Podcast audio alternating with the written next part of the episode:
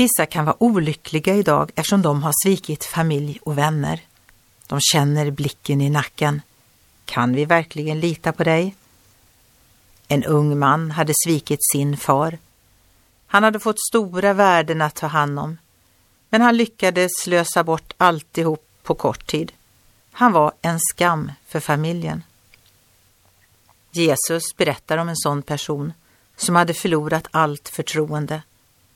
Men han hoppades att pappan ändå inte skulle vända ryggen åt honom. Han stod upp och gick till sin far.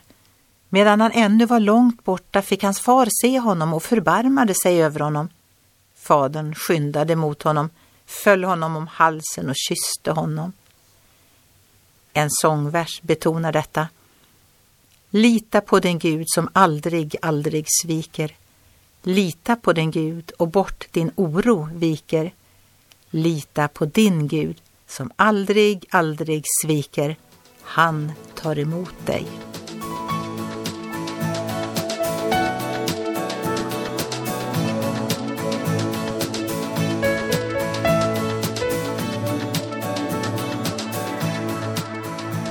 Ögonblick med Gud producerat av Marianne Källgren, Noria Sverige.